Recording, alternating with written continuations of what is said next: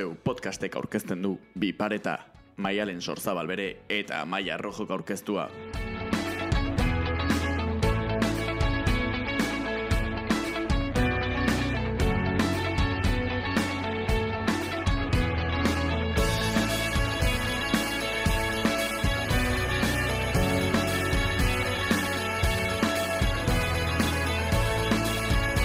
Udarekin batera iritsi dira jaiak herri askotan. Bi urte eta gero jai batzordeek buru belarriekin diote pandemia aurreko jai hoien antzekoak antolatzeari. Osasun krisia dela eta bertan bera geratutako horien artean egon ziren jaiak. Momentuko egoera eta balentzek ez duten herriko jaiekin aurrera jotzea bermatzen ez behintzat modu seguru batean. Aurten ordea, esan daiteke egoerako bera egin duela.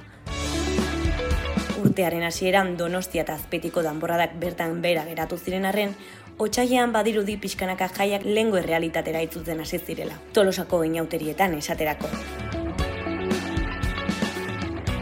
Oraintxe bertan Euskal Herriko txoko desberdinetan jaiak dira.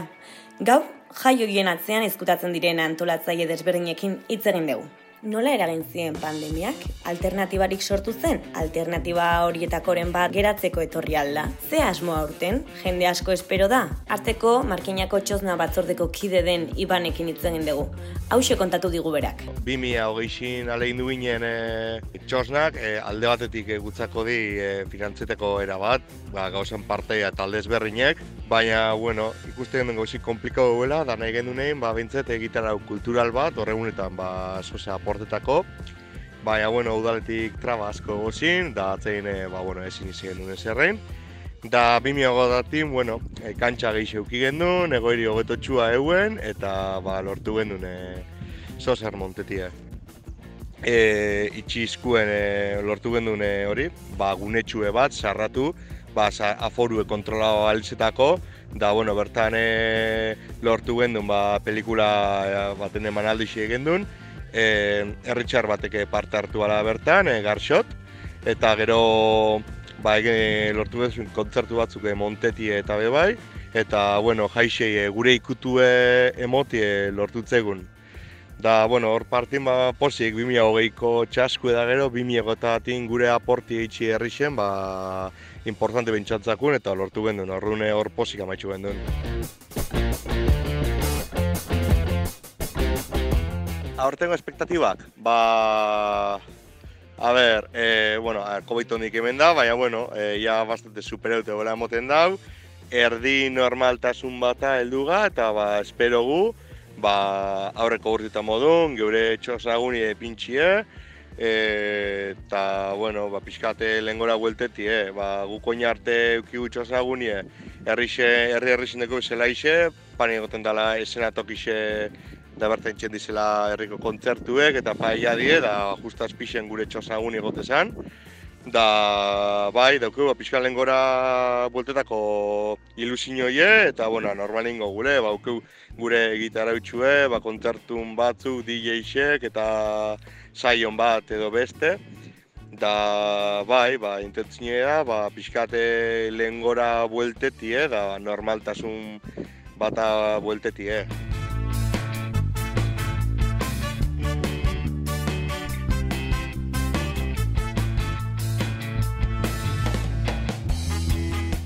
Markinatik erratzura egingo dugu salto. Bertan, jonek erratzuko jaiak nola antolatzen dituzten eta pandemiak zein eragin izan duen kontatu digu. Erratzuko bestak urtero modu berdinean antolatzen dire. E, da minausiek izeneko kargoa edo duten duten kideak edo egoten dire herrien eta hoiek arduratzen dire bai inautiak, bai bestak, bai errebestak ere antolatziaz. Orduen, e, da minausiek izaten dire lau, normalian, eta urtero gaten dira aldatzen bi.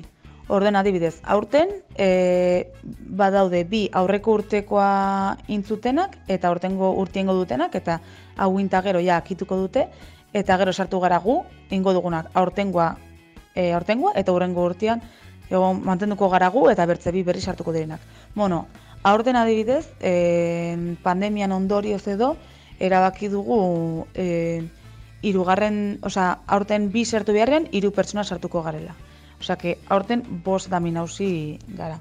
Eta bestak antolatzeko modue, ba, nahiko simpleak gara. E, aurreko urteko egitaraua hartu, bueno, kasu honetan 2019koa, e, egitaraua hartu eta kusi zerek funtzionatzen duen, zerek ez duen funtzionatzen, orokorrian denak funtzionatzen du. Eta, oi, ba, gauzek berdintxu mantentzen saiatzen gara.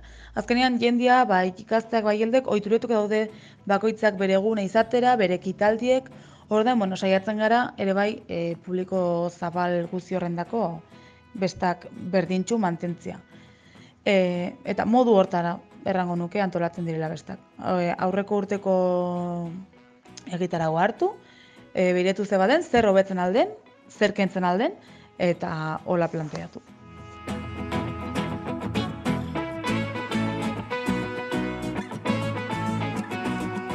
Ba, pandemiak eragin izan dagu, e, aurreko, bueno, intzineko bi urtetan ezin izan dugula bestak e, behar bezala ospatu. Baina egi da nahiko suertia izan dugula, 2008an adiz pandemia izan zen urte hortan, justo ekaina bukaerako dena libre gelitu zela. Orduen, ez ziren besta ofizialak eta normalak izan, baina bai lortu al, osa, bai izan zela, izan zela besta nahiko kompletuak erran dezagun. Egitara gorokorrean ez dugu aldaketa haunitzikin pandemian ondorioz.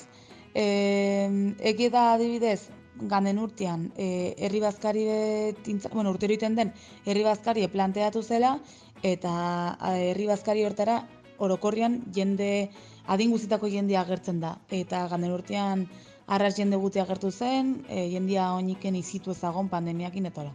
Bai, bueno, aurten oraingoz, bueno, oraingoz ez, e, bai, bortzeun pertsonako herri bat gara, eta, bueno, herri bazkarira adibidez, berreun pertsona ja apuntetuek daude. Orden, bueno, e, eragina izan du, nire ustez, pandemiak eragina izan du, baina positiboki ere bai. Ze jendeak gogotsu dago, eta jendeak kristongo batu atra, relazionatu eta eta besta iteko. Aurtengo bestak iduritzen zait jende guzieke, orokorrian bai gazte, bai heldu, bai zar, bai ez, denek e, normaltasun oso ospatuko dugula. Eta, bueno, e, jendia arras gogotsu dago. E, sarrerak adibidez herri bazkari, herri afaritako sarrerak atratu dugulaik, bere ala, bere ala e, akitu dire. Orden, jo, ikusten da, jendia gogotsu dago, e, kolaboratzeko ere bai, gero gauza honitz behar dire in.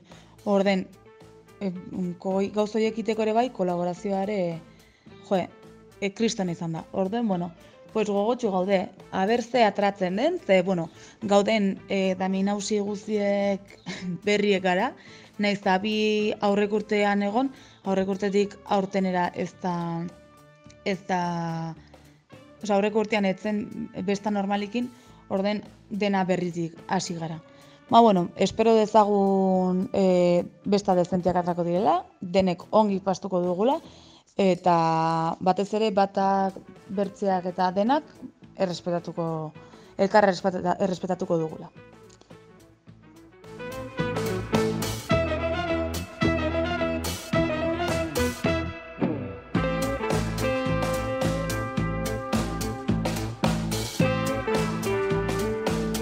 Nafarroatik Gipuzkora egingo dugu salto, Donostiara hain zuzen. Bertan, Donostiako piraten jaiak antolatzen dabilen Bitor Hernandorekin itzen dugu. Aurten gainera, hogei garren urte urrena dute piratek. Nola eragin zien pandemiak eta ze asmoa aurten urterako? Bueno, ba, pandemiak nola eragin dien piratei, ba, bueno, nik uste, e, militantzia guzti pasatzen berdina, ez? Azkenen, e, COVID eritsi zen, e, berroia heldea iritsi zen, eta horrek eragin zuen, e, bilerak aurrez aurreko bilerak egiteko zaitasuna, ez? Eta horrekin batera, ba, motivazio falta, gogo falta eta jende bat desaktibatzea, ez? Gainera honi gehitu behar diegu, em, jai esparruan e, zeuden osasun neurriek, ba, beste jende batengan kontra esan batzuk sortzea eragin zuela ere bai, ez? Azkenan aforoak e, jarri beharrak zeudelako, beste jai eredu bat eskaintzen ari ginelako, eta horrek ere eragin zuen jende, jende gutxiago gotea eta jende bat e, desaktibatzea, ez? Baina, bueno, nik uste ez dela, ez dela dena, dena txarra izan, ez? Azkenen e, e, gu hasieratikan e, esperantzarekin egon ginen, e, berrogei aldian, e, bilera telematikoak eginez, e, egitarauak e, prestatzen e, aste nagusi normal bat izango balitz bezala, Eta hortan, hortan ibili ginen, ez? Eta gero behin atera ginenean, e, antolatzeko beste modu batzuk e, asmatu genituen, e, jende bat ez egoteak beste jende bat egotea eragin zuen, beste jende gazte bat, jende gaztearentzako ere e, ikaste prozesu bat ere izan da, e, gauza berriak probatzeko, eta nik uste dut gauza positiboak ere egon direla, ez? Eta horrez gain, ba, azkenen e, superazio, superazio modu bat ere izan da, ez? Azkenen erakustea, olako, olako bat dintza zailekin, e, bolondresak garenok eta erretik eragiten ditugun gauzak, ba, egitea ere posible dela, ez? E, ez horrelako e, presupuestoarekin, baina guk ere horrelako neurriekin, eta osasun neurri guztiak e, ondo ondo errespetatuz, ba, azte nagusi bat egiteko gai, gai izan, izan garela, ez?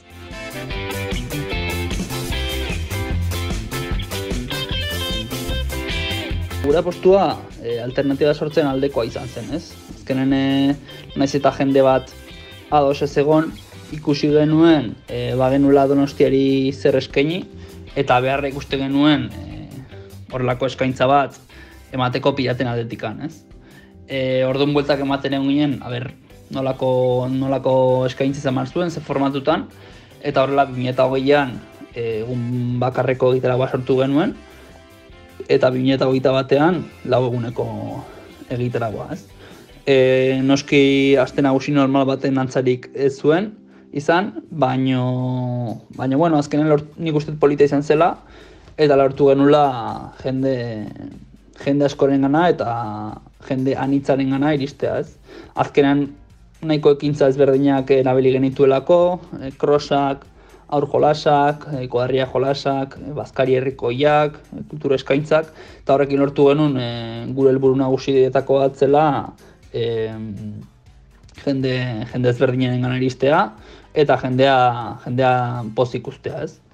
Gainera nik uste eta aipatzekoa, aipatzekoa dela, e, Ba hori, azkenen e, naiz eta gure ekintza nagusiak Trinidad plazan egin genituen e, aforoak hortara, hortara bultzatu gintuelako, ba, jarraitu genuela kaia simbolikoki bada ere erabiltzen, ez? Eta erakusten e, gure etxeak kaia dela eta behin pandemia bukatuta e, gure, gure egitaragoa eta gure gunea bertara bueltatzea nahi genula, ez?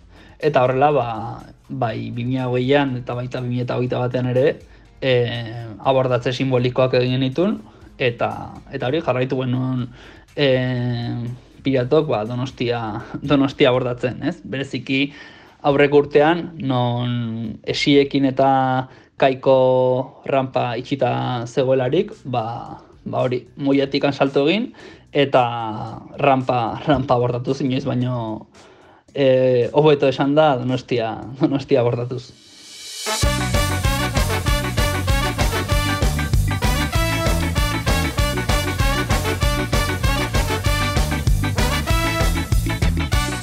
Bai, egia da e, aurrek urtetako gitarauak e, xumeak izan direla. Ez dela ezer txarra, baino, baino bueno, nire, nire ustez, saiatu gera e, pandemia aurretitako aste nagusitara e, gerturatzen, ez?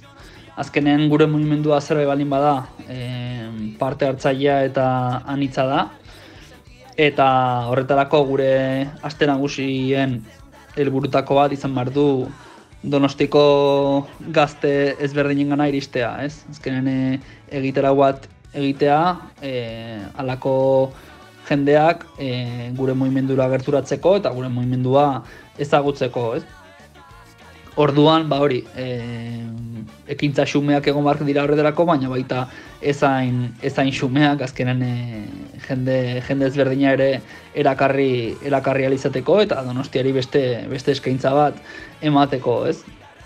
Orduan, ba hori, kontu hartu behar dugu gainera, aurten e, piratek e, hogei urte betetzen ditugula, eta eta horrekin, ba, ba hori, noski bi urteko e, pandemiaren ondoren ba, gauza xumeak egongo dira, transizio bat egongo dela, baina gauza fuerteak egongo dira, eta gure gure ideia da ba, kaira bueltatzea eta fuerte bueltatzea eta aste nagusi aste nagusi polit eta irakargarri bat egitea.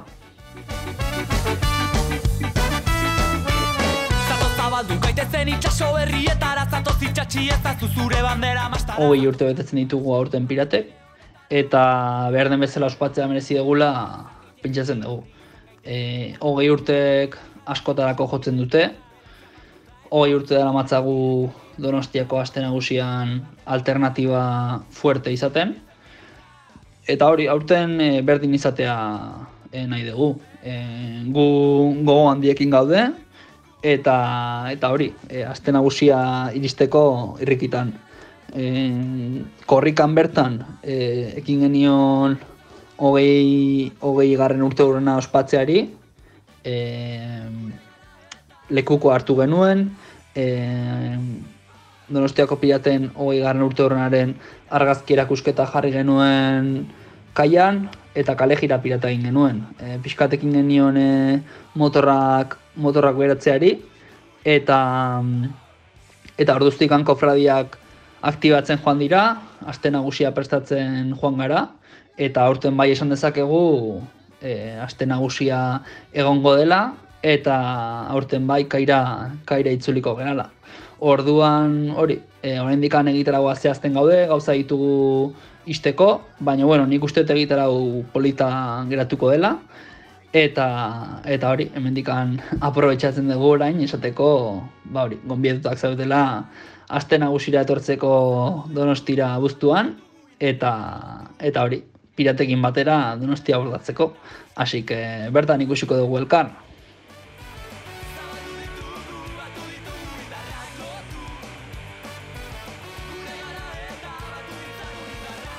Herri desberdinetako jai batzordetako kideekin hitz egiteaz gain, EHZ jaialdiaren atzean ezkutatzen den antolatzaileetako batekin hitz egin dugu gaur. Irati Fernandez da bera. EHZ urtero uztaiaren batetik hurbilen dagoen asteburuan egiten den hiru eguneko musika jaialdia da. Euskal kultura eta hizkuntza ardatz dituena. Mila behatzireun dalarogita amaseian sortu zen arroxan, Nafarroa beran, eta 2008az geroztik irisarrin egiten da jaialdia.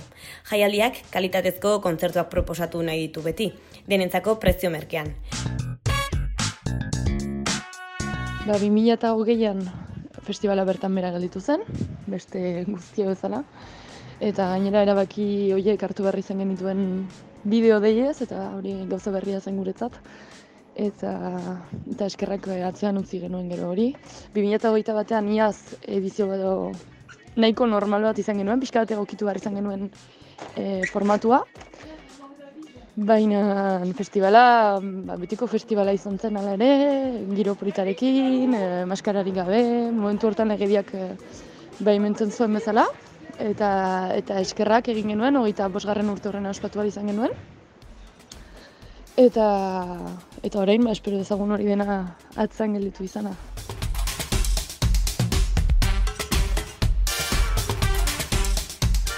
Ba, esango nuke hogeita sei urteetan, ba, festivala herri zerri aldatu izan da, eh, askotan herri aldaketak, eh, belaunaldi aldaketa ere esan nahi du. Eta esango nuke berez ez dela asko aldatu.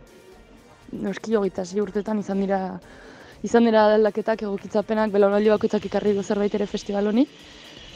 Baina iruditzen zait bai helburuak eta bai espiritua edo, edo eta baloreak eta bar berdinak direla, berak direla. Eta irisarrira ekarri dugunetik ba, berriz izuli gara herri formatu batera, e, lekornen zen izan zen lehenago eta hor ba, pentze edo zelaia handi batean zen. Eta irisarrin berriz ba, herriko plazan eta bada pentzea ere bai. Baina hori ba, belaunaldi bakoitzak e, ba, aldaketa beharra sentitzen duenean, horrela aldatzen da herriz.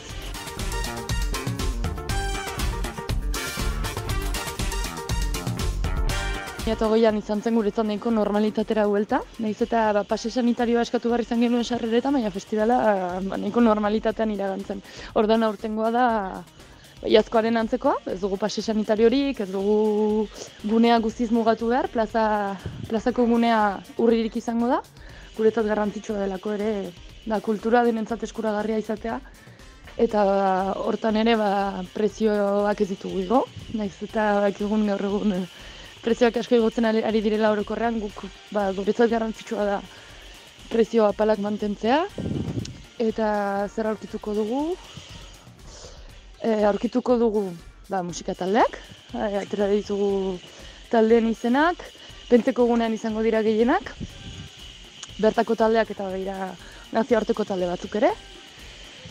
Eta gero egunean zehar ba, plazako gunean izango dira dantza antzerki ikusgarriak, itzaldiak ere bai, film proiektzioak, eta igandean zikiro handi bat egiten da, bazkari herrikoi bat, laborantza ganbarak eh, antolatzen duena. Eta horrentxokoa ere izanen dugu, horrentzako programa batekin. Eta hori dena ikusgarri da gure webgunean, eta sare sozialetan ere bai.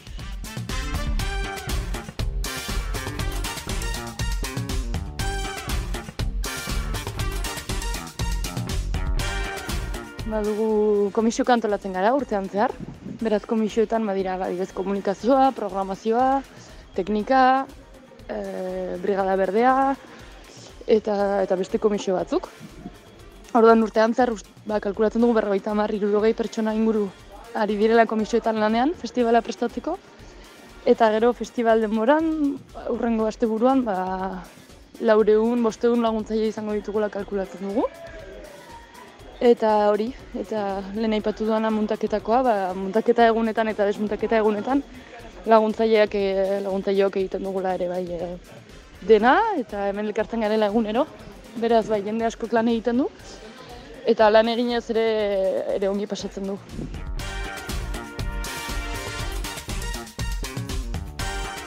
Ezagutu ditugu Euskal Herriko jai desberdinetako antolatzaileak eta ezagutu dugu azken urteetan horiek bizitako errealitate eta sortutako alternatibak.